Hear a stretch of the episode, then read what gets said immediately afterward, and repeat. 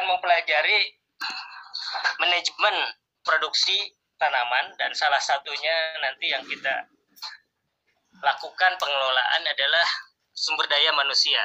Ya, karena posisi adik-adik nanti dalam sistem produksi tanaman tentu dalam posisi manajer bukan dalam posisi uh, sebagai worker.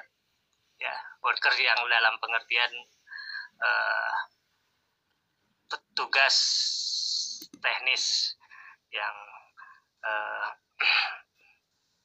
hanya sekedar melaksanakan uh, eh, SOP teknis. Nah, ini yang nanti akan disampaikan bahwa manajemen itu selain ada hal-hal yang bisa dipelajari sebagai ilmu, ternyata banyak ya menjadi uh, cerminan dari kapasitas individu ya. Dari kapasitas pribadi pribadi perseorangan pribadi perseorangan. Ini ilustrasi yang menunjukkan bahwa oh, seseorang yang bisa melaksanakan fungsi manajemen dengan baik ya, bisa melaksanakan tugas tanggung jawabnya dengan baik ya dengan kondisi fisik dan psikologis yang nyaman gitu, untuk melaksanakan tugas. Ya. Ilustrasinya seseorang yang diberi amanah memindahkan sesuatu barang berukuran besar dan mungkin juga berat ya.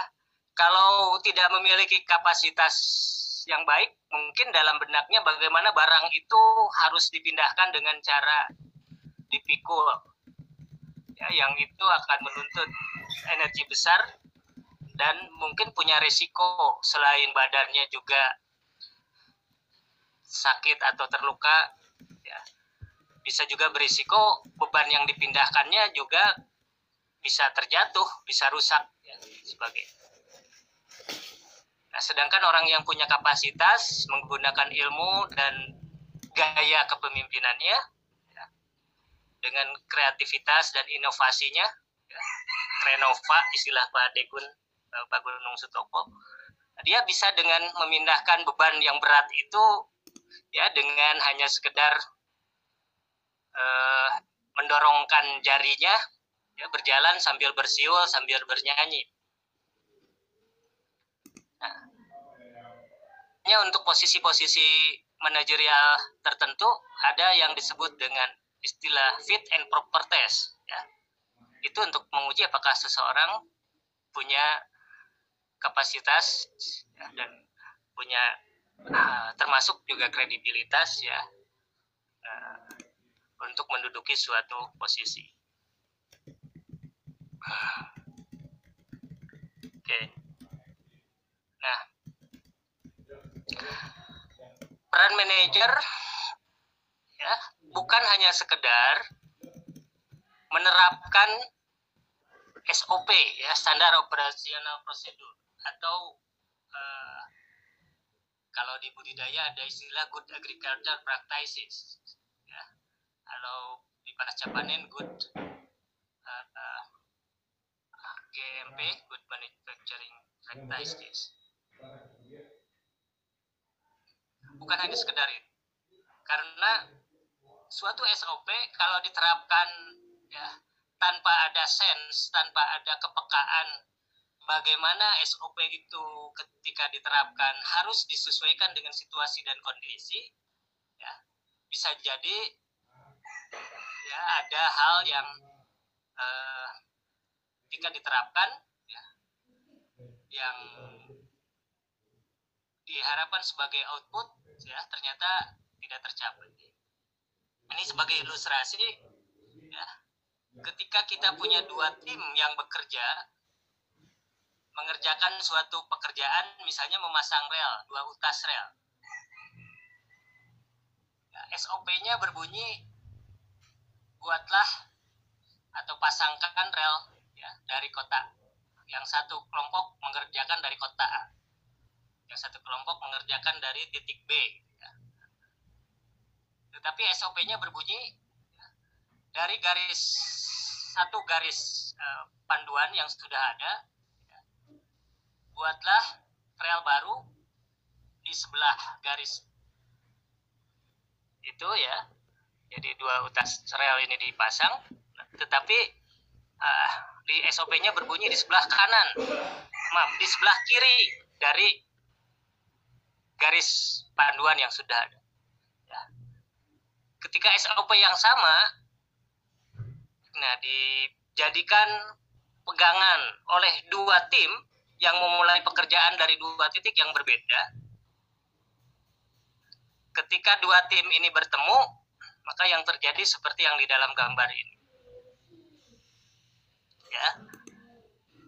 Dua tim ini merasa sudah mengikuti SOP dengan baik dengan benar dan memang demikian kenyataannya. Ya, tetapi kenyataannya apa hasil pekerjaan ini tidak memenuhi ke target outputnya.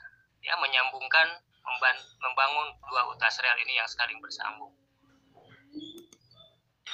Nah, jadi seharusnya ini menjadi tanggung jawab pimpinan ya. Pimpinan ya, atau manajer seharusnya bisa melihat apakah suatu SOP itu uh, dalam penerapannya ya perlu dilakukan penyesuaian-penyesuaian sesuai dengan situasi kondisi yang harus disikapi. Oke.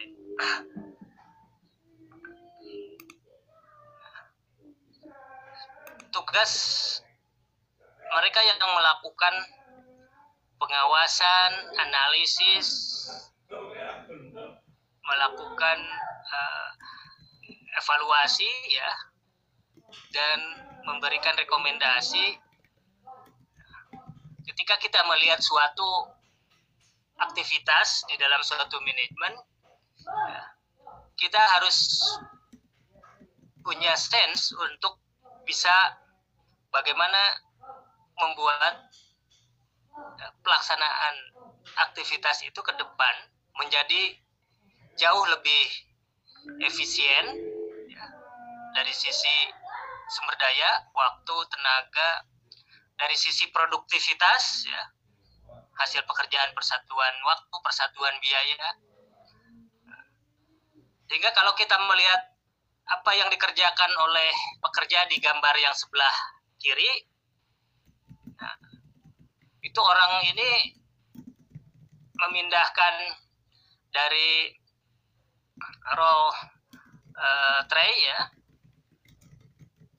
ke box nah, dengan mondar mandir berjarak berapa meter.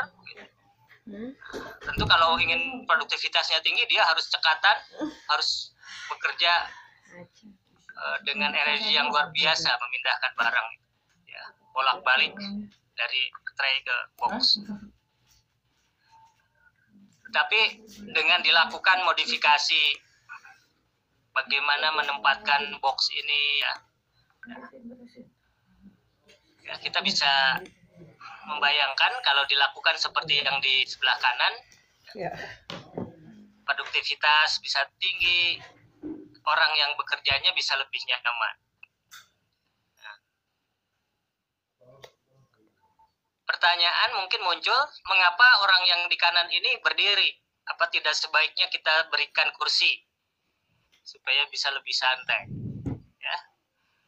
Nah, seorang supervisor ya atau di atasnya akan dengan cermat mempertimbangkan kalau orang ini diberikan kursi apa yang akan terjadi ya. karena kalau seseorang bekerja pada kondisi yang sangat nyaman mungkin. Nah bisa jadi yang bersangkutan akan kurang konsentrasi. Nah, atau mungkin ketika dilakukan pengaturan kerja dengan shift ya, ya seharusnya misalnya di set peralatan ini uh, melakukan fungsi setiap berapa jam kemudian ada di off ya. orangnya juga setiap berapa jam di shift gitu. nah mungkin ada hubungannya dengan hal seperti itu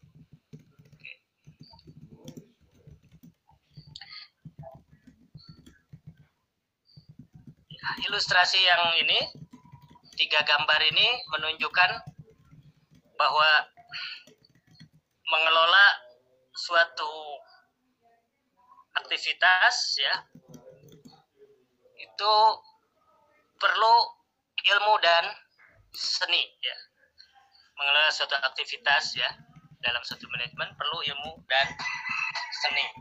Nah saya ingin berikan uh, gambaran dengan ilustrasi ini ke adik-adik semua ya supaya insya Allah nanti suatu saat kalau bekerja diberi amanah memimpin ya anak buah memimpin sekian banyak uh, tenaga kerja nah ada suatu nilai-nilai ya dalam kita melaksanakan pekerjaan itu bukan hanya sekedar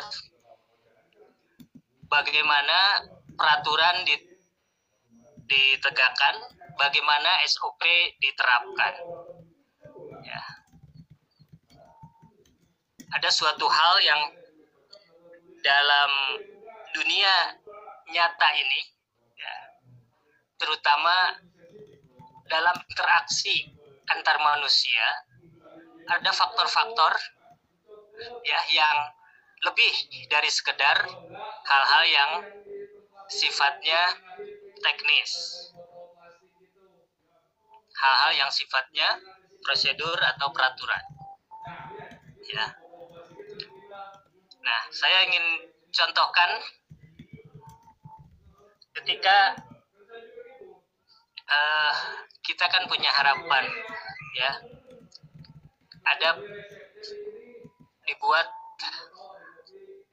undang-undang, ada dibuat uh, sistem hukum ya yang sistem itu melindungi hak-hak perorangan, hak milik ya. Pelindungan hukum ya, yang membuat uh, masyarakat harus patuh pada peraturan itu. Nah, tujuannya supaya ada keadilan ya yang akan membawa ke suasana uh, kehidupan masyarakat yang tentram. Nah, kalau kita contohkan pada kondisi sekarang nih sedang ekonomi sulit ya. Kita tahu misalnya seorang hansip itu punya fungsi menjaga keamanan ketertiban lingkungan ya ada yang ditugaskan siskamling ya berjaga malam melindungi keamanan dan hak-hak misalnya hak supaya tidak ada pencurian ya hak milik dilindungi. Nah suatu malam ketika Hansip ini berkeliling menjaga keamanan wilayah dia lewat di dekat pemukiman itu ada kebun singkong misalnya. Malam-malam ada yang sedang mencabut pohon singkong. Kemudian si Hansip ini sebetulnya kenal siapa pemilik kebun ini ya. Dia hampiri ternyata dia tidak kenal siapa yang sedang mencabut singkong itu. Ya, akhirnya orang ini dibawa ke kantor. Apakah kantor RW gitu ya. Nah, dan ditanya. Ya diinterogasi terungkaplah bahwa orang ini mencabut pohon singkong tanpa izin dari yang punya kebun. Ya atau bahasa hukumnya melakukan tindakan pencurian. Oleh Hansip si pencuri ini kemudian dilaporkan ke Pak RW ya Pak RT Pak RW gitu. Kemudian diputuskan untuk diproses hukum dibawa ke kantor polisi oleh polisi diperiksa dibuat berita acara pemeriksaan. Akhirnya ditahanlah orang ini. Ditahan berhari-hari kemudian diproses hukum ya. Jaksa menuntut di depan pengadilan. Nah, ini proses hukumnya berapa lama ya dari sejak kejadian? Mungkin dua minggu atau lebih. Jadi orang ini sudah uh, setelah ditangkap di kantor polisi ditahan sambil menunggu proses hukum ditahan. Nah, kemudian dibawa ke pengadilan lalu dituntut oleh jaksa ya, di depan pengadilan. Dan kemudian hakim melihat betul ada tindakan pencurian. Menurut undang-undang pidana yang bersangkutan harus dihukum penjara nah, berapa lama hukuman penjara ya. Mungkin tiga bulan atau lebih ya dengan kesalahan mencuri nah dari proses itu kita lihat bagaimana Hansip melaksanakan tugasnya dengan baik menjaga keamanan ketertiban lingkungan Pak RW juga melaksanakan tugasnya dengan baik ya, membawa sesuatu kesalahan yang sifatnya pelanggaran hukum karena hukum. Polisi sudah melaksanakan tugasnya dengan baik, memproses itu ya untuk menjadi berita acara pemeriksaan yang menjadi dasar jaksa menuntut, jaksa melaksanakan penuntutan dengan baik, hakim sudah memutuskan dengan ya, kaidah hukum bahwa yang salah harus di masyarakat ya, merasa yang punya kebun ya merasa di apa, ditegakkan keadilan dan membuat suasana aman. Tidak lagi ada tindakan pencurian karena kalau ketahuan mencuri akan diproses seperti itu ya. Seolah-olah selesai permasalahan ya. Tetapi setelah beberapa hari ada kejadian orang yang ditangkap kemudian ditahan di kantor polisi itu. Ya, seminggu kemudian ada kabar di suatu kampung di satu keluarga ada anak balita yang meninggal. Anak yang lain kondisi kelaparan berat ibunya ya, kondisi juga mungkin uh, sakit yang sudah parah. Berita itu kemudian heboh muncul di koran-koran, ada liputan TV, kemudian bupati datang ke situ, ya, karena diberitakan satu keluarga kelaparan dan ada yang meninggal. Bupati ngasih sumbangan dan sebagainya, anaknya yang sakit ibunya yang sakit dibawa ke rumah sakit. Ternyata keluarga itu adalah keluarga orang yang tadi ditahan dan diproses hukum. Jadi kita lihat di sini hukum ditegakkan ya keadilan ditegakkan tetapi ada kejadian seperti itu sekarang kalau kita flashback ya. Ketika Hansip melihat orang yang tadi mencuri itu, ya, setelah dibawa ke kantor RW ditanya, ini kenapa kamu nyabut singkong punya orang lain? Ya. Si orang ini ya kemudian menjawab, sebenarnya saya tidak punya keinginan untuk mencuri saya ini punya keluarga, punya beberapa anak kecil. Istri saya sedang sakit. Saya dalam beberapa hari ini sudah berusaha mencari pekerjaan untuk nafkah keluarga. Sudah empat hari ini saya coba mencari pekerjaan. Saya tidak dapat pekerjaan itu dan tidak punya sesuatu apa pun untuk bisa saya pulang untuk menjadi bekal untuk makanan keluarga saya. Saya tahu keluarga saya udah kelaparan. Tadi saya lewat di samping kebun singkong itu. Saya berpikir mungkin kalau saya hanya mencabut satu, saya bisa bawa pulang, keluarga saya bisa makan singkong itu dan ya tidak kelaparan. Tapi waktu saya nyambut ya, Pak Hansip sudah menangkap saya. Hansip begitu dengan RW ya begitu mendengar cerita itu bukan dibawa ke kantor polisi tetapi mengundang yang punya kebun. Didatangkan yang punya kebun disampaikan ini ada orang nyabut singkong bapak. Tapi dia cerita keluarganya sedang kelaparan dia sudah cari kerja lalu yang punya kebun mengatakan udah kalau begitu persoalan si bapak ini tidak perlu kita perpanjang ke kantor polisi. Bapak ini ya akan saya berikan sedekah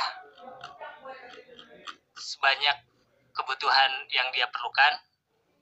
Silakan nyabut lagi.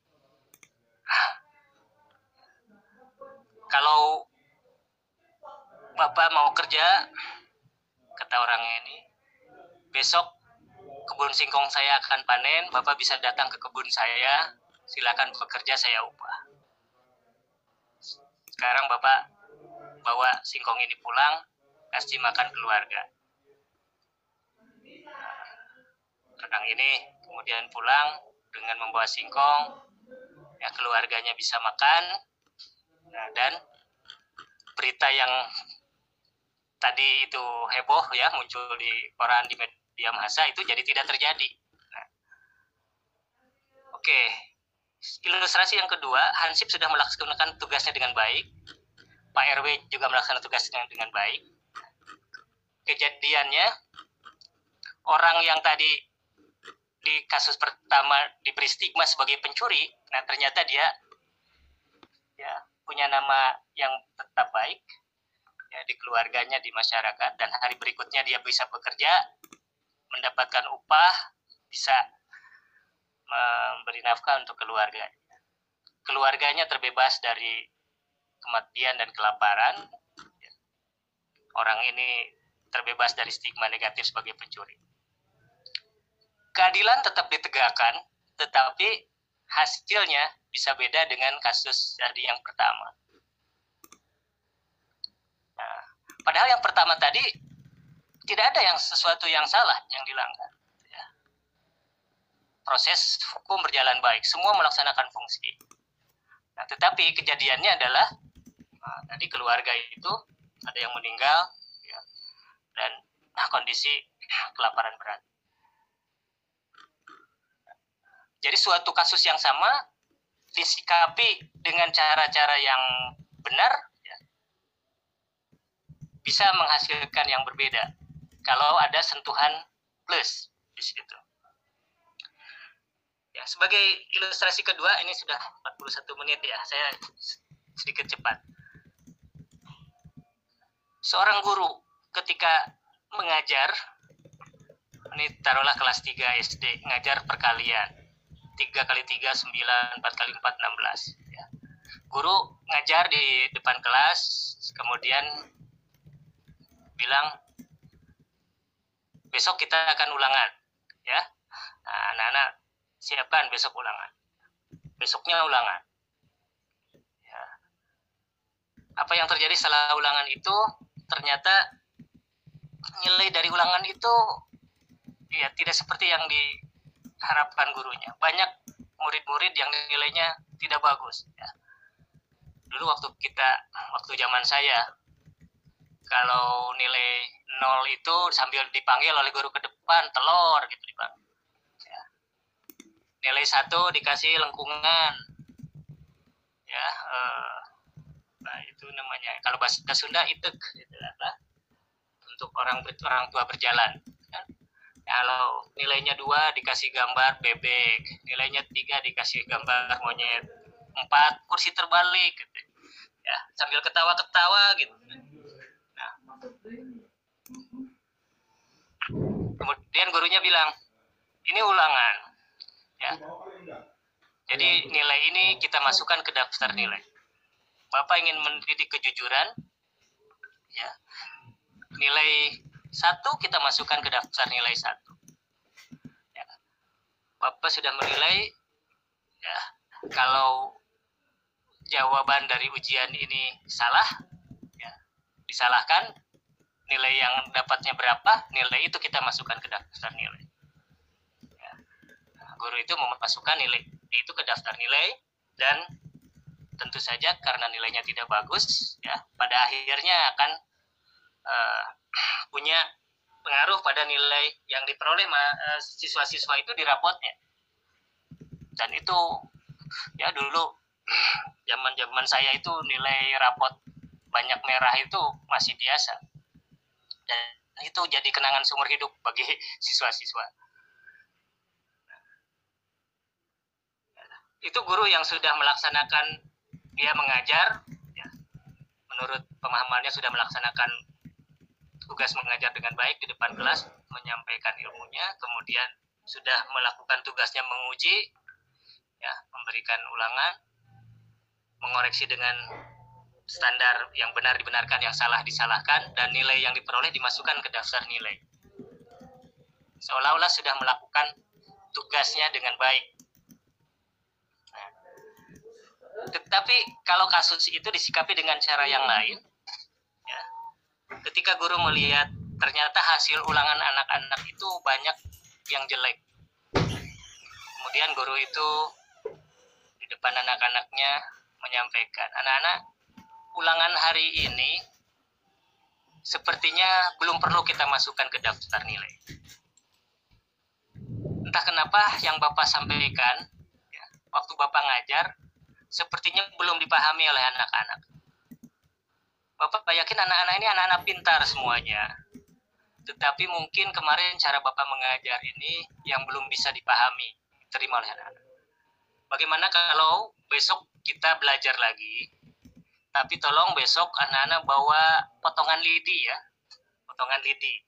Satu orang bawa 100 potongan lidi. Ya. Kita akan belajar lagi perkalian itu seperti apa pembagian itu seperti apa. Ya, besoknya anak-anak bawa lidi, kemudian diajari lima kali lima itu ada lima utas lidi, lima lima gundukan gitu ya, dijumlahkan, dihitung, dijumlahkan. Terus diajarkan lagi dengan tekun oleh guru itu. Sampai guru itu melihat, oh anak-anak sekarang udah paham rupanya.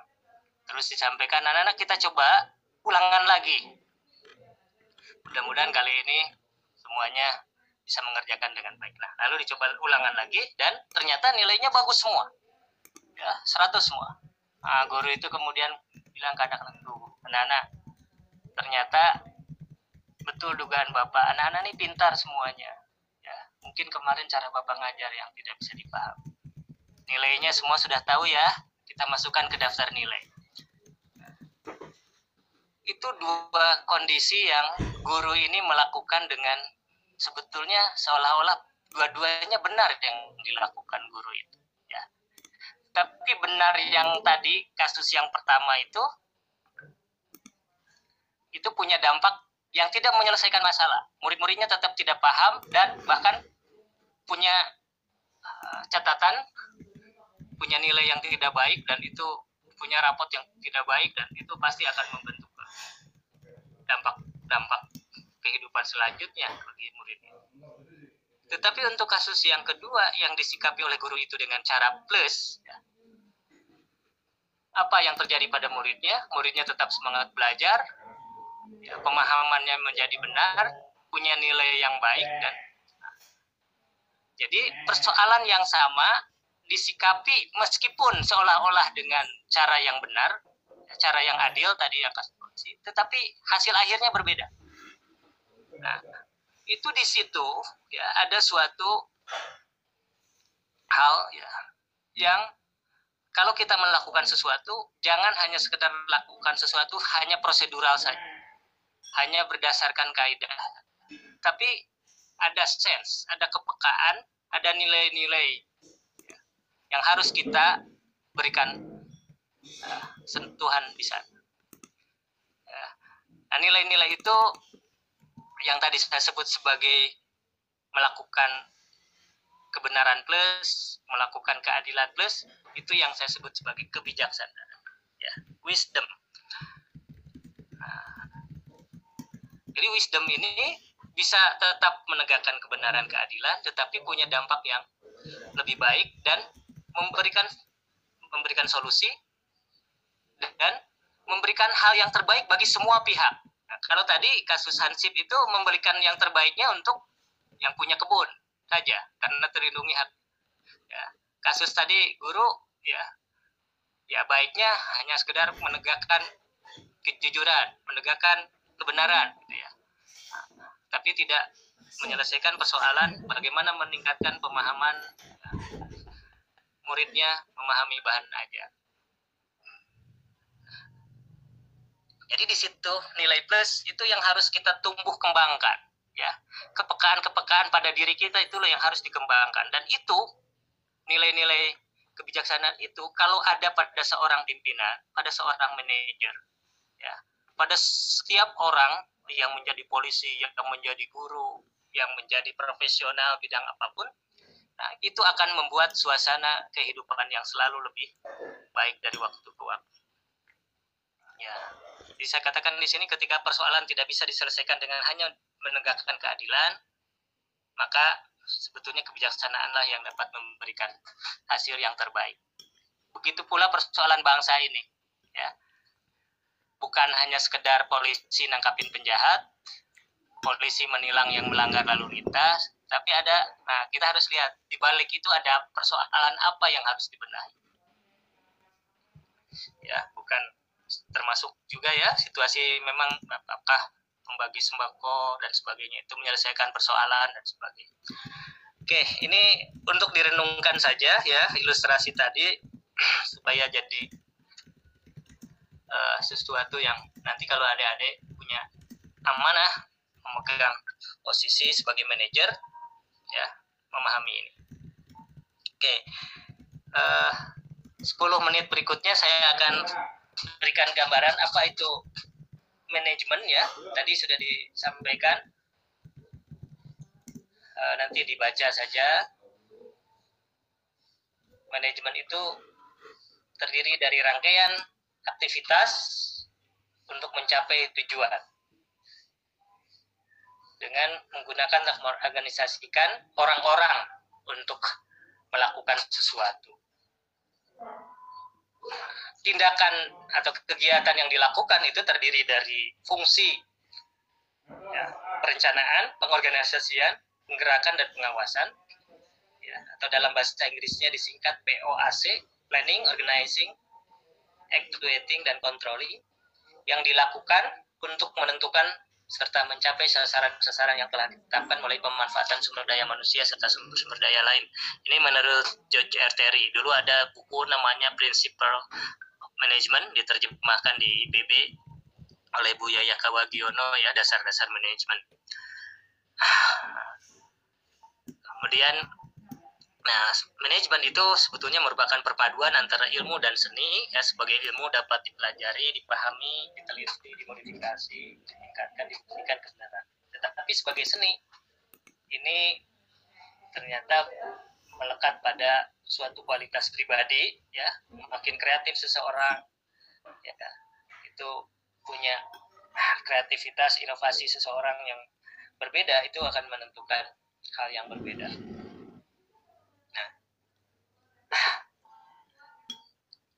Kita uh, cermati apa yang menjadi fungsi dari seorang manajer, ya, pengelola suatu organisasi, pengelola suatu bisnis. Ya. ya, bisa jadi orang ini sebagai owner atau sebagai orang yang mendapat kepercayaan dari owner. Ya.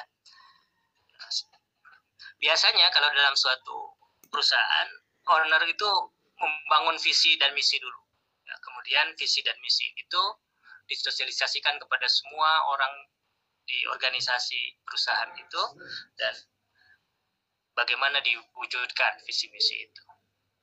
Nanti akan disampaikan di kuliah minggu depan oleh Pak Deden ya, manajemen strategi. Ya, dari mulai membangun visi misi dan melakukan uh, menetapkan nilai-nilai bersama dan me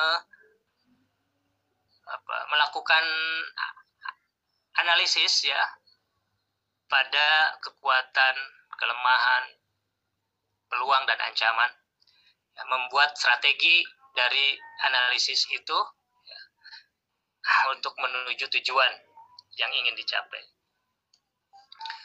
Nah, manajer ini punya sumber daya untuk dikelola ya. Nah, sumber daya itu harus dikelola sebaik-baiknya supaya bisa memberikan hasil yang optimal, yang berkesinambungan, ya. Jadi dalam jangka panjang sebetulnya yang tumbuh berkembang, tapi sumber dayanya juga harus lestari. Nah, ya. Nah, secara khusus ya selain sumber daya sumber daya yang umum untuk manusia ini dikenal dengan uh, eh, SDM SDM ini punya kekhasan. Nah nanti kuliah Pak Supiatno akan mengupas SDM itu bagaimana dikelola dengan baik. Ya, ya SDM yang dikelola harus bisa melaksanakan tugas pokok fungsinya dengan baik untuk mencapai produktivitas yang baik. Ya dan jangan lupa targetnya bukan hanya berproduktivitas baik, tetapi juga harus terbina hubungan yang serasi di antara SDM yang ada di organisasi itu. Membangun suasana yang harmonis, yang serasi ini tugas seorang manajer. Ya. Nah, kemudian manajer juga mengelola sumber finansial untuk digunakan mengimplementasikan rencana manajer harus bisa punya kemampuan melihat, mengantisipasi, ya, mengikuti. Jadi kalau kalau kita posisinya sesuatu itu ada di depan kita, kita melihat dan mengantisipasi. Ya, kalau di yang berikutnya disebut forecasting. Kemudian kalau ada di sudah terjadi ya kita harus mengikuti, menyesuaikan. Lalu perubahan itu kan sesuatu hal yang pasti di dunia ini. Ya. Perubahan itu sesuatu hal yang pasti. Oleh karena itu harus ada penyikapan ya bagaimana perubahan itu membawa ke arah uh, apa dimanfaatkan dengan baik ya untuk perkembangan organisasi kita. Nah, kemudian seorang manajer pimpinan itu harus bisa melihat masa depan punya kemampuan menduga atau meramalkan ya. Nah, sekarang apa istilahnya? Perakiraan ya. Jadi baik jangka panjang jangka menengah maupun jangka pendek nah, sesuai dengan karakteristik dari organisasi atau perusahaan ya. Nah kemudian yang tidak kalah penting seorang pimpinan atau manajer itu harus bisa menumbuhkan mengembangkan suasana kerjasama dan sinergi. Ya, menjalin kerjasama dengan baik dengan semua pihak, baik di internal maupun khususnya juga dengan eksternal. Ya, pihak-pihak eksternal bersinergi dengan pemerintah, bersinergi dengan perusahaan sejenis yang lain. Ya, kita kenal perusahaan-perusahaan yang sejenis itu punya asosiasi. Jadi semangatnya sebetulnya bersinergi, bukan berkompetisi. Ya, itu yang harus terus dibangun. Kemudian seorang pimpinan juga harus punya kemampuan mengadministrasikan secara baik ya. sehingga bisa menjamin tersedianya data dan informasi yang up to date yang mutakhir yang akurat guna mendukung pengambilan keputusan. Jadi pengambilan keputusan itu harus berdasarkan fakta ya, faktual base. Nah, dan fakta itu akan ada ya akan valid kalau didukung dengan sistem administrasi yang baik ya di pertanian ya kita sering ada polemik mendebatkan apakah data produksi padi kita ini ya akurat atau tidak ya sampai Pak Yusuf Kala membentuk tim untuk melakukan verifikasi dan pada akhirnya melakukan koreksi pada data yang ada. Ya. Oke ini uh, fungsi dan, dan manajer ya silahkan bisa dikembangkan. Nah, dalam melaksanakan aktivitas manajemen sangat penting menerapkan prinsip ya, atau konsep ini yang disebut dengan piro ya people orang ideas gagasan atau sekarang ada yang disebut dengan kreativitas ya. Nah, untuk yang kreativitas itu akan melahirkan inovasi. Ya, ini datangnya dari ide gagasan. Atau kita sering menyebutnya ya dalam bahasa strategik adalah visi ide. Kemudian resources ya sumber daya dan objektif sasaran atau tujuan yang ingin dicapai. Oke, ya ini konsep biro. Jadi kalau kita bicara manajemen tidak lepas dari empat konsep biro ini. Nah, tadi disampaikan menurut RTRI fungsi fundamental dari manajemen itu adalah perencanaan, pengorganisasian, penggerakan dan pengendalian ya.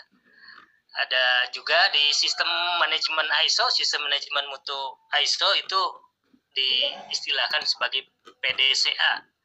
Plan, do, check, action. Rencanakan, laksanakan rencana itu, evaluasi dan tindak lanjuti hasil evaluasi. Ya, itu uh, sebetulnya juga ya prinsip manajemen jadi mazhab teri mazhab yang di PDCA ISO ini ya sebetulnya sama saja. Oke nanti ini dibaca. Ya. Ini disampaikan di sini tidak semua permasalahan yang dihadapi dapat dipecahkan dengan ilmu manajemen dalam kasus tertentu manajer itu harus mengandalkan diri pada kemampuan seni firasat. Nah tadi termasuk uh, kebijakannya ya sense apa kepekaan ya.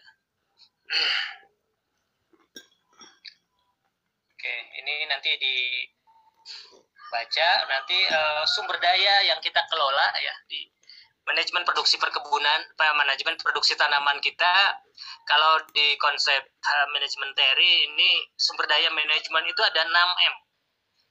Ya, 6M. Man, materials, ya, bahan-bahan, mesin, ya, peralatan, method, ya, metode atau prosedur, money, modal, dan market, pasar, ya. Jadi sumber daya manajemen itu ada 6M menurut materi ya kita di manajemen perkebunan kemudian me, membuat uh, apa kondisi menyesuaikan karena di perkebunan ini di apa di, di pertanian ini bagaimanapun kita membutuhkan ruang tumbuh ya. Dan ruang tumbuh itu umumnya berupa lahan ya. Jadi ada lahan ya, berupa tanah dan iklim gitu ya. Kemudian kita punya material khusus untuk menjadi mesin produksi kita yang disebut dengan tanaman.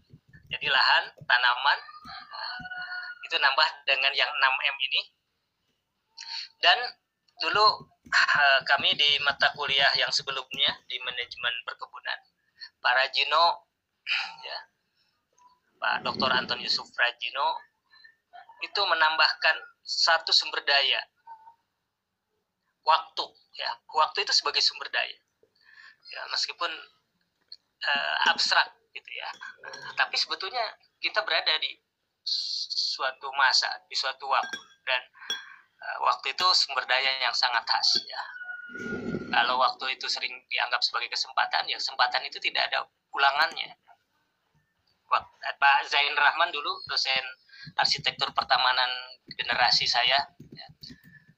dan mungkin satu dua generasi di bawah saya ya menyampaikan opportunity atau kesempatan itu punya kaki yang bersayap. Artinya bisa berlalu dengan sangat cepat ya tanpa kita sadari ya. Kemudian jadi kesempatan itu tidak berwajah tidak punya wajah dan kakinya bersayap. Kita sering tidak bisa mengenali sesuatu itu sebagai kesempatan. Baru kita sadari setelah berlalu oh itulah kesempatan ternyata dan sudah berlalu meninggalkan dengan cepat. Ya, nanti aspek-aspek uh, ini teknik komersil dan sebagainya akan kita perdalam ya pada waktu menyusun studi kelayakan atau perencanaan bisnis uh, komoditas pertanian. Ya. Oke, ini sekedar uh, prinsip untuk pengantar. Nah ini sebetulnya kalau waktunya cukup ya dulu di pengelolaan manajemen sumber daya manusia ini saya ada nilai-nilai ada filosofi yang uh, ingin kita sampaikan ya terkait dengan skema ini. Nah, tapi mungkin uh, sekarang waktunya terbatas kita lewat dulu ya termasuk ini ya silakan adik-adik baca dulu kalau tidak paham nanti kita akan diskusikan ini sesi khusus uh, yang terkait bagaimana kita membangun karakter diri ya Oke, kita punya sesi 35 menit berikutnya. Ya, ini memang eh, apa ya, adik-adik kuliah manajemen produksi ini khususnya di bagian awal yang saya sampaikan, saya akan lebih banyak menggunakan waktu satu arah. Ya, dan selebihnya adik-adik banyak mencerna ya, dan mudah-mudahan kemudian setelah dipahami bisa diresapi dan membentuk karakter. Ya. Nah, kalau ada hal yang perlu ditanyakan, ya, saya kira apa yang disampaikan tidak sesuatu yang rumit, ya, justru mencerna dan memahaminya itu. Nah, kuliah-kuliah kita berikutnya akan lebih banyak ke hal yang teknis, ke hal ilmunya tadi, diri manajemen. Ya, tetapi saya ingin tetap menekankan membangun kemampuan non non keilmuannya itu ya yang harus ada pada seorang calon manajer, calon pemimpin ya. Oke, karena kita akan mengelola sistem produksi tanaman ya, sistem produksi tanaman itu harus kita pahami bagaimana karakteristiknya ya. Apa yang saya tuliskan ini ya bisa uh, adik-adik cermati ya silahkan kritisi dan bisa dikembangkan ya. Mungkin ada yang belum tercakup ya. Nanti silahkan dikembangkan diperluas ya dilengkapi. Nah, tapi paling tidak saya me mencatat beberapa karakteristik dari sistem produksi pertanian ya. Salah satu yang pertama nih pertanian itu banyak aktivitasnya yang tergantung karakteristik alamiah ya. Tergantung karakteristik alamiah. Ya, namanya pertanian punya ketergantungan pada sinar matahari, pada air, ya. Dan kita tahu proses utama di tanaman adalah konversi CO2 dan air dengan bantuan cahaya menjadi C6H12O6. Nah, ini perlu media ya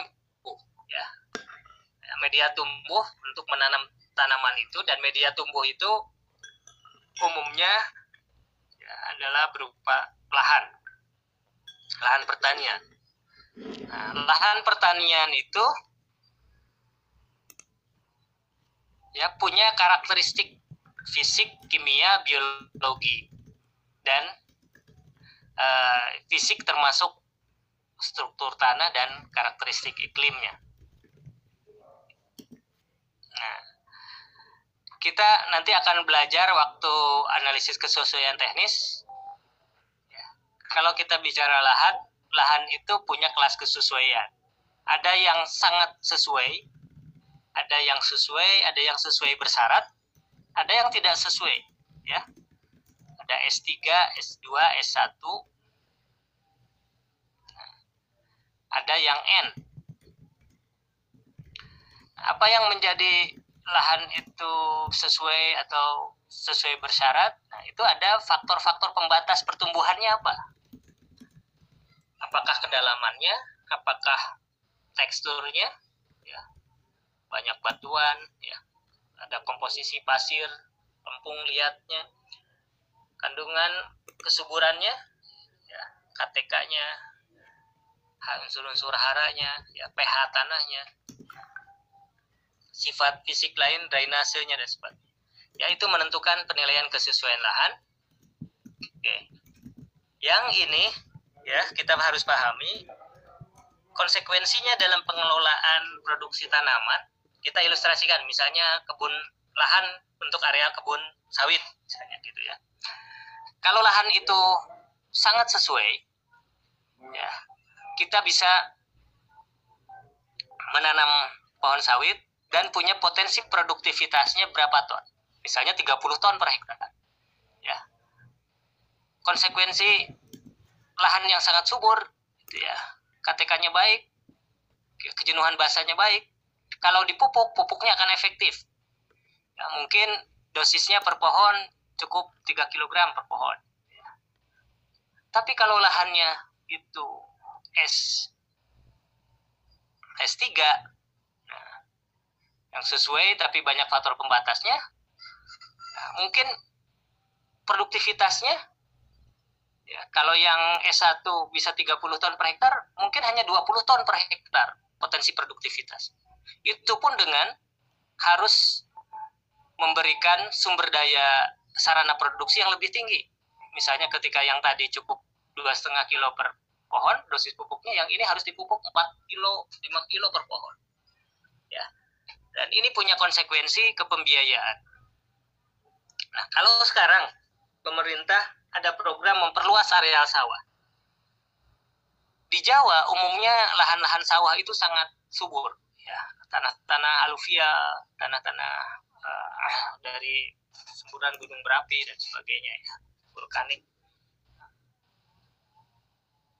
Produktivitasnya di Jawa sangat tinggi, ya tapi di beberapa daerah di luar Jawa, terutama lahan pasang surut, lahan gambut, dan sebagainya, berapa tingkat produktivitasnya?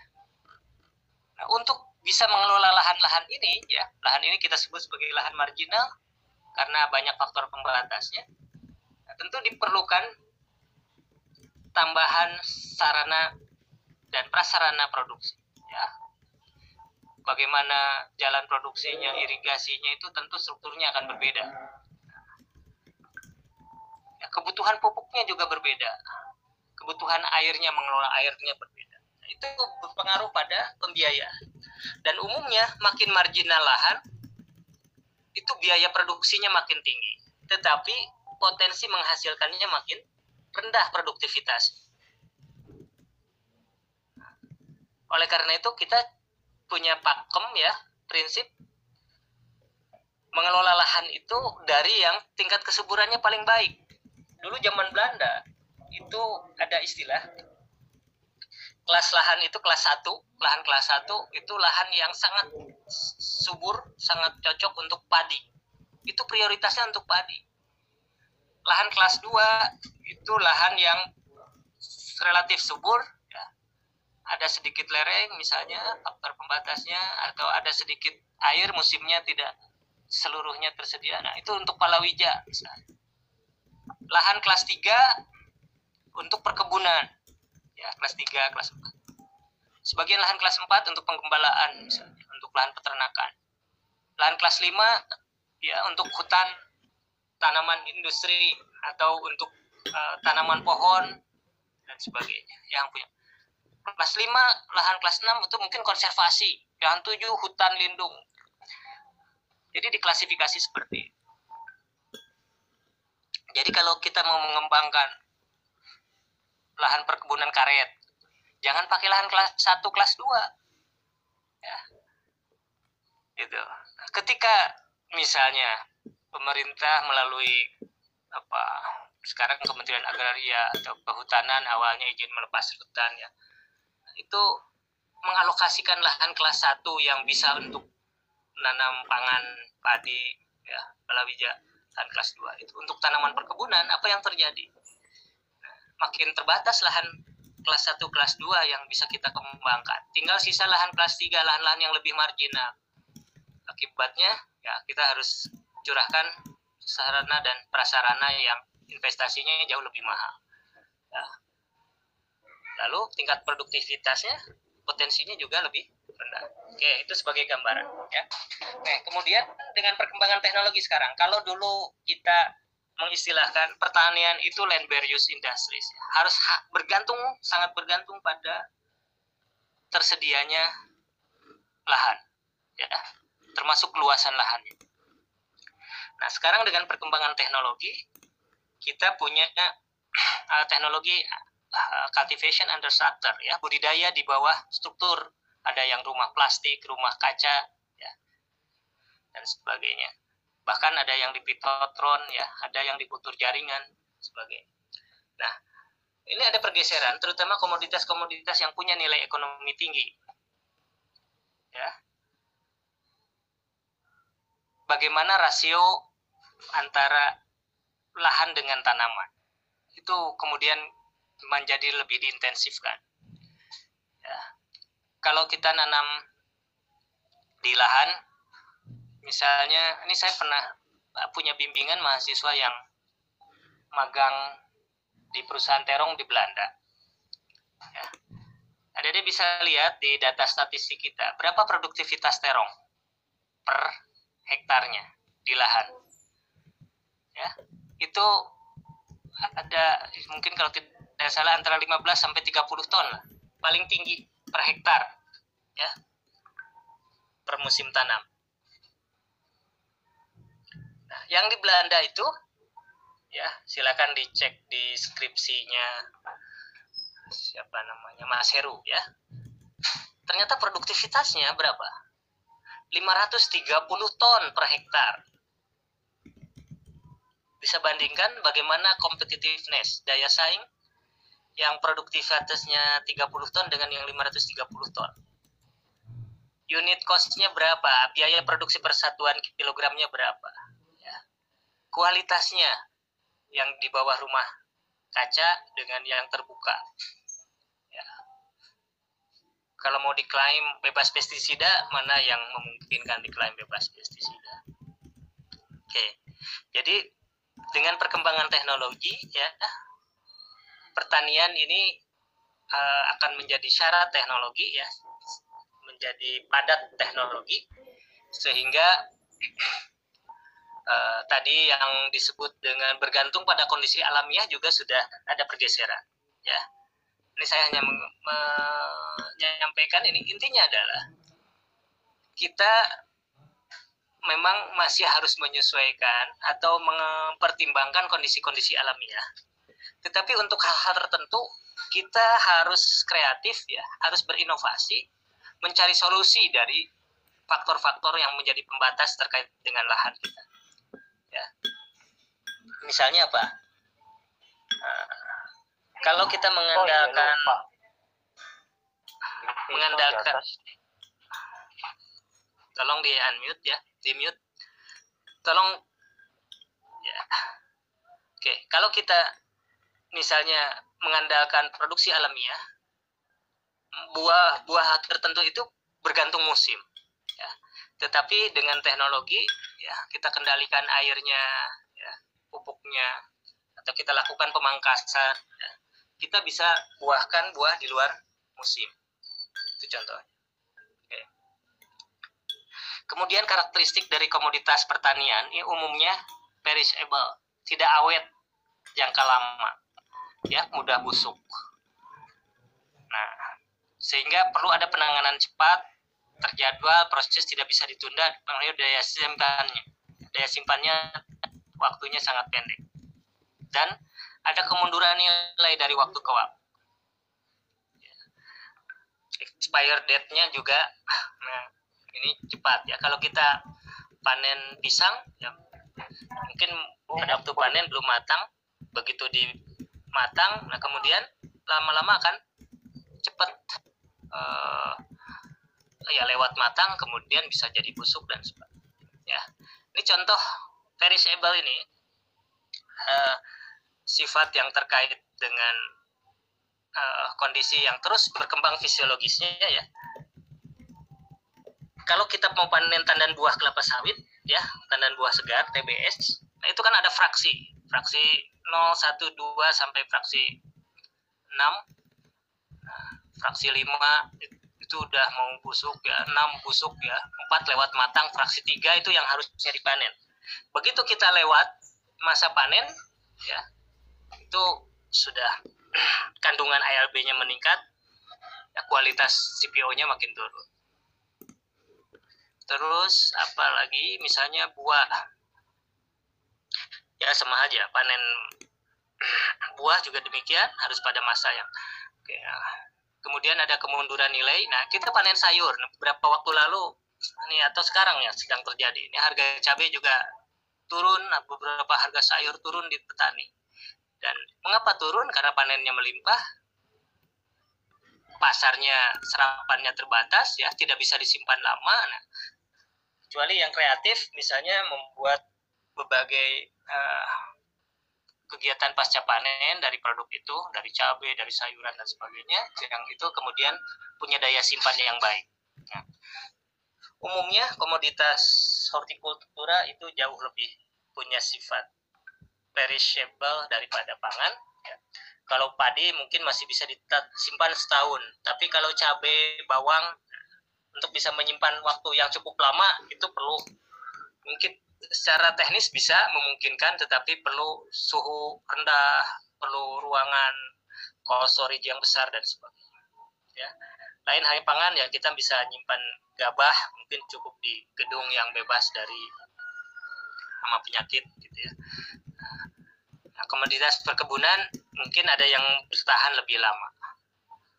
Nah, tetapi uh, secara umum pertanian itu punya sifat perishable ya tidak bisa disimpan lama dan ada risiko kerusakan produk ya, dari waktu ke waktu. Yang lain kalau kita bikin pabrik misalnya pabrik komputer, pabrik mobil itu mau ya laptop yang dihasilkan kalau tidak laku bulan ini ya bisa di stok untuk bulan depan untuk tahun depan ya. Tapi kalau produk pangan, produk hortikultura ya bunga apalagi bunga ya. Kalau waktunya berbunga misalnya philodendron apa bunga uh, anggrek itu nah kalau waktunya berbunga ya harus bisa dipasarkan ya. Setelah itu akan gugur. Nah oke. Okay. kemudian karakteristik lain ini waktu kita tinggal 20 menit lagi ada time lag dalam produksi. Ya time lag ya sebetulnya di industri di pabrik juga ada time lag ya ketika kita membuat sesuatu itu prosesnya perlu waktu. Nah, tetapi kalau kita bikin uh, misalnya pabrik di barang elektronik ya, nah, mungkin cara bekerja itu bisa dilakukan uh, untuk uh, dengan dengan cara meningkatkan shift atau intensitas waktu bekerja atau lama waktu bekerja untuk menghasilkan sesuatu. Jadi kalau misalnya normalnya orderan itu 10.000 per bulan. Ketika ada permintaan 20.000 ya, kita bisa melakukan ya, misalnya kalau kapasitas terpasang pabrik kita berapa? Betulnya 20.000, tetapi kita operasikan hanya 10.000 ya, dengan 5 jam kerja. Nah, ketika ada permintaan jadi 20.000 ya, kita bisa operasikan 10 jam kerja tapi apa yang terjadi dengan tanaman? Ya, kalau kita punya kebun jeruk 10 hektar 10 hektar ini produksi setahunnya 20 ton, ketika ada permintaan 40 ton, apa yang kita lakukan? Ya, mungkin kita berusaha meningkatkan produktivitas, tapi itu terbatas ya. Kemudian kalau kita sanggupi, oh ya, misalnya panen tiga bulan ke depan ya. Uh, ada permintaan dua kali lipat dari yang sekarang. Ya sekarang kita produksi 10 ton. Ada permintaan 20 ton. Apakah kita akan sanggupi? Ya. Kita harus pikirkan untuk menghasilkan panen jeruk itu ya itu harus kita tanam dulu jeruk. Siapkan dulu lahannya cari bibit tanam jeruknya kita pelihara dulu baru bisa belajar berbuah mungkin di akhir tahun kedua misalnya itu pun produktivitasnya akan mungkin per pohon dari mulai 3 kilo, 5 kilo, naik ke 10 kilo, ya 15 kilo. Sehingga 10 ton itu kecapai kapan? Ya, dari luasan berapa? Ya ada time lag. Kalau misalnya kita nanam varietas kopi itu uh, Aceh Tengah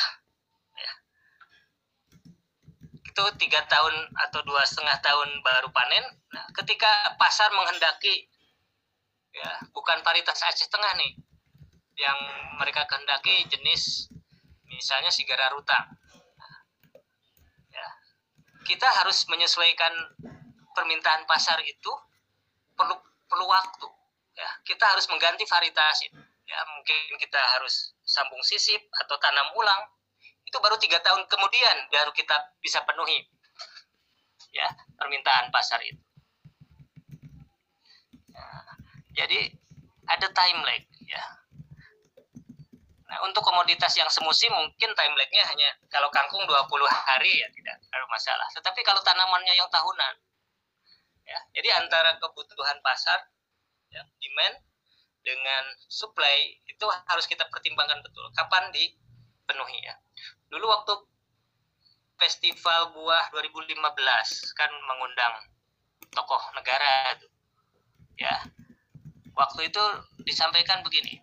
Eh, tahun depan kita undang calon-calon buyer dari luar negeri supaya produk buah kita ini bisa diekspor ke luar negeri dan menghasilkan devisa.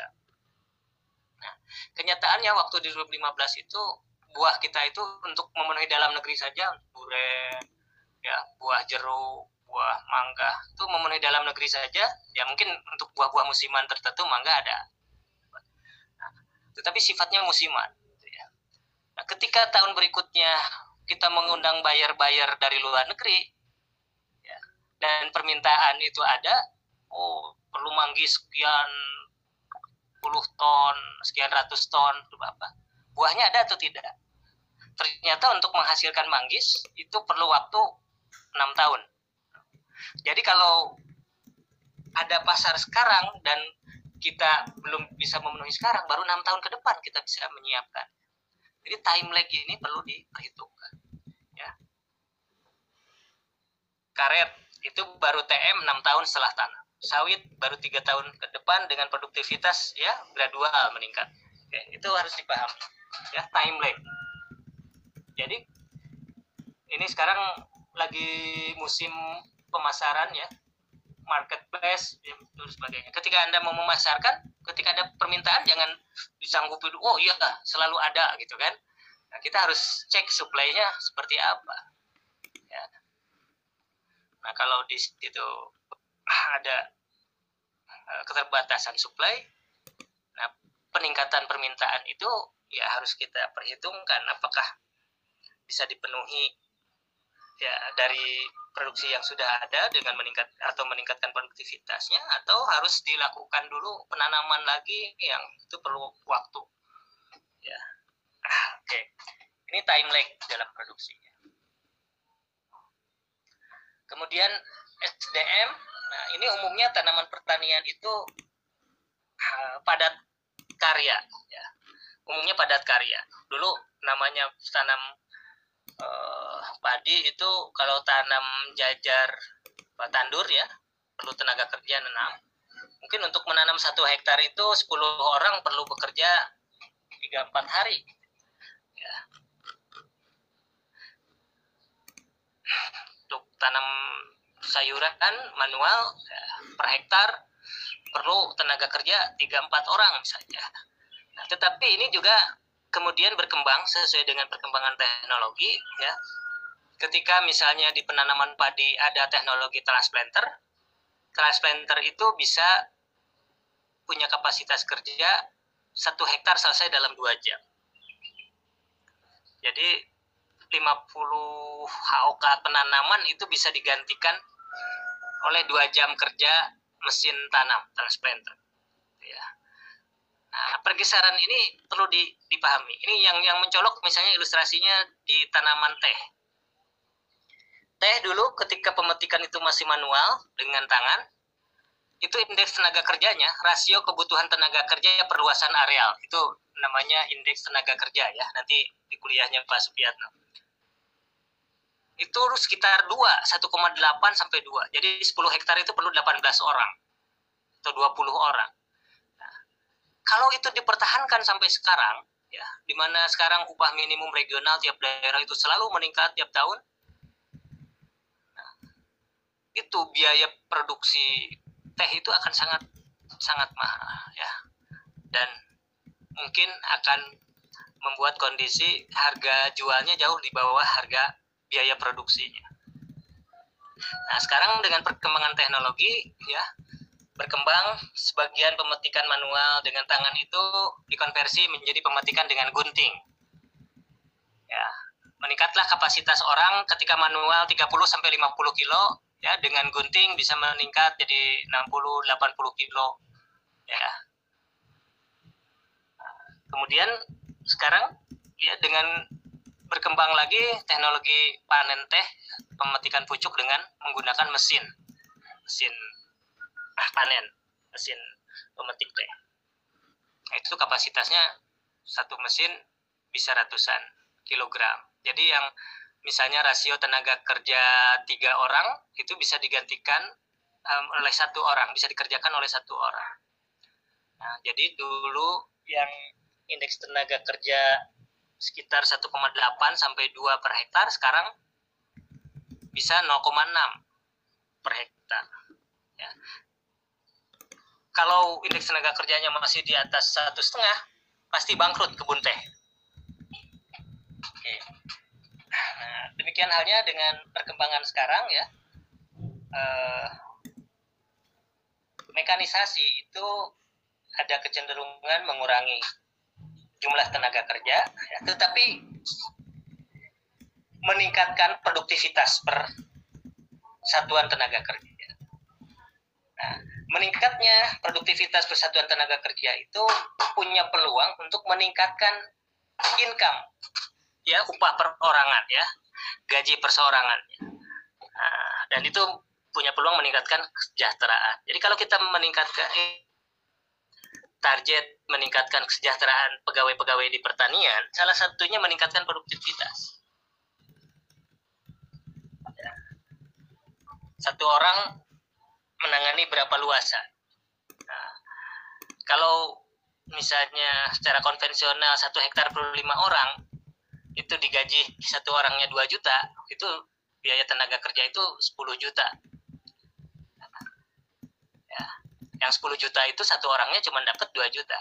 Tapi ketika kita punya sistem kerja yang bisa mempekerjakan dua orang dalam satu hektar, tiga orang tidak lagi uh, apa, diperlukan. Gitu. Nah, yang 10 juta tadi, jadi modalnya tetap 10 juta misalnya untuk bayar tenaga kerja. Kalau dibayarkan untuk dua orang, itu bisa satu orangnya bergaji 5 juta meningkat. Nah, tetapi memang ini harus dipertimbangkan dengan cermat. Tadi ini sisi, sisi plusnya itu ya. Bukan hanya kita mikir teknis. Bagaimana nasib yang tiga orang yang uh, ketika tiga orang itu ada uh, perlu kerja, kemudian kita membuat efisiensi cukup hanya dua orang saja. Nah, ini perlu perlu pertimbangan-pertimbangan. Jadi tidak selalu mekanisasi itu sebagai solusi ya. Mungkin solusi sistemnya ya, ya efisiensinya ya, tetapi solusi sosialnya ya harus dipikirkan. Nah, salah satunya misalnya mengalihkan pekerjaan orang-orang tertentu itu di aktivitas yang punya nilai tambah.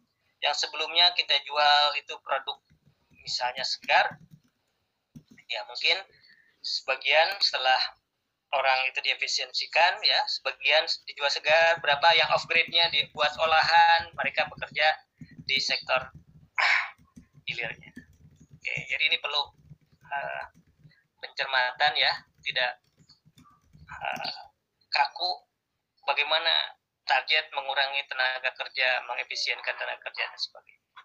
Nah, kemudian satu lagi risiko kegagalan. Kalau kita investasi nanam cabai berapa per hektarnya? Perlu biaya. Musa benih benih aja perlu 100 gram benih hibrida mungkin sekarang udah harga 3 jutaan ya per hektar biaya benihnya. Musa hitam perak perlu berapa gulung? Pupuk ya kalau tidak salah sekarang biaya cabai itu Pak Syukur kemarin menginformasikan kalau satu hektar perlu 10 ton apa dapat 10 ton hasil panen itu biaya pokok produksi dengan sewa lahan itu sudah di atas 100 juta gitu ya beberapa waktu lalu masih di 70-an juta. Nah, kalau 100 juta biaya produksinya, begitu kita nanam cabai dan kena penyakit antraknos semua, hitam semua buahnya, uang 100 juta itu melayang. Tidak tersisa.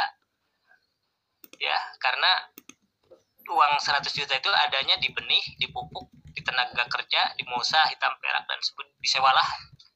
Tapi kalau kita bisnis apa ya dulu misalnya lah menyewakan motor ke tukang ojek gitu kan nah, kita modal beli motor 20 juta. Bensin ngasih modal bensin. Nah, ketika tidak ada penumpang tidak itu ya satu bulan kemudian kita kalkulasi oh pendapatannya hanya sekian.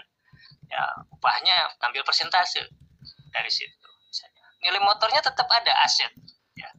Kalau kita bikin pabrik pabrik sepatu gitu ya. Nah, beli lahan bangun pabrik beli mesin ya. begitu kita bangkrut ya yang hilang itu modal operasionalnya saja tapi lahannya ada, bangunan pabriknya ada, mesinnya ada, itu masih bisa dijual sebagai aset. Mungkin nilai asetnya masih ada 60%, 70%. Tetapi di pertanian, ya begitu ah, kita investasi, lahannya nyewa, modalnya pinjam ke bank, ya beli benih, beli pupuk, bayar tenaga kerja, beli pestisida, begitu gagal, ya lahannya punya orang, balik, pupuk pestisida dan sebagainya udah hilang benih. Udah modalnya hilang tidak ada yang tersisa. Nah, ini risiko kegagalan ya nilai aset relatif hampir tidak. Nah risiko faktor yang membuat gagalnya bisa kekeringan kebanjiran angin hama penyakit dan belum lagi risiko harga jatuh oke ya ini ada yang tertulis dua kali Oke, itu karakter yang satu lagi ini tinggal lima menit lagi. Rantai pasok dalam uh, jadi ada disebut manajemen rantai pasok. Ini di pertanian ini banyak hal yang khususnya di Indonesia ya ada middleman atau perantara yang membuat rantai pasok itu baik di hulu penyediaan sarana produksi maupun di hilir di pemasaran hasil panen. Ya, hasil dari panen petani dibeli oleh tengkulak satu, tengkulak dua, ya, tengkulak tiga baru ke ekspor ya. Dibeli oleh tengkulak satu, tengkulak dua, baru dijual ke retail, ke retail. Nah, itu ada berjenjang yang membuat margin-margin itu di setiap level itu selalu ada peningkatan ujung-ujungnya ini dari hasil penelitian teman-teman kita di sosial ekonomi ternyata petani itu hanya mendapatkan 30 sampai maksimum 50% dari nilai yang dibayar konsumen. Ya bahkan di beberapa kasus petani itu terjebak dengan karena kebutuhan ekonomi ya menjual di sistem tebas atau sistem ijon. Nah, di pemasaran ini kalau yang nanti punya cita-cita membangun bisnis ini ya pertanian dan menjadi supplier seperti go supermarket dan sebagainya. Itu ternyata pembayaran di supermarket itu sistemnya konsinyasi. Paling cepat dibayar 45 hari bisa sampai tiga bulan lebih. Bisa dibayangkan kalau seorang petani hasil panennya baru dibayar tiga bulan kemudian nah, bagaimana dia? Kebutuhan ekonomi Oleh karena itu yang terjadi adalah hasil panen petani ditampung oleh mereka yang punya modal besar, ya dipasarkan oleh orang yang punya modal besar ini. Dibayar 90 hari kemudian tidak masalah. Tetapi ya bagaimana cara middleman ini membayar petani ya karena begitu masuk supermarket ya baru dibayar tiga bulan kemudian lalu harus ada biaya handling ya sortasi harus ada biaya packing nanti distribusi atau uh, biaya kirim kemudian nyampe di supermarket itu harus berkontribusi ada 13 komponen biaya yang ditanggung oleh supplier biaya display biaya listrik, biaya promosi, biaya keamanan, biaya pajak dan sebagainya. Ya, lebih dari 10 komponen. Nah, biaya-biaya itu ditanggung. Nah, akhirnya memang ke petani hanya dibayar 30 persennya. Kalau harga di supermarket misalnya 30 ribu per kilo, ya di petani mungkin dibeli 9 ribu, 10 ribu itu sudah cukup bagus. Ya, itulah yang terjadi. Nah, bagaimana hal ini bisa dibuat uh, supaya margin antara petani dengan retail itu tidak terlalu besar? Nah, ini adik-adik banyak sekarang uh, apa, fasilitas pemasaran online ya yang mendekatkan antara produsen dengan konsumen. Marginnya dibuat lebih sempit ya. Harga yang dibayar konsumen juga bisa lebih rendah, sementara harga yang diterima petani juga bisa lebih tinggi. Oke, uh, waktu kita sudah habis ya. Memang uh, kesempatan untuk bertanyanya sudah ini, tapi silahkan kalau ada pertanyaan melalui WA grup saja, nanti kita akan uh, apa diskusi atau saya jawab di WA grup ya. Oke, adik-adik ini bergabung luar biasa 96. Ya. 96 saya tidak tahu yang hari Kamis jadinya berapa orang. Nah, kalau 96 berarti nanti praktikum kita yang jam 10 dan jam 1 juga pesertanya mungkin tidak jauh dari ini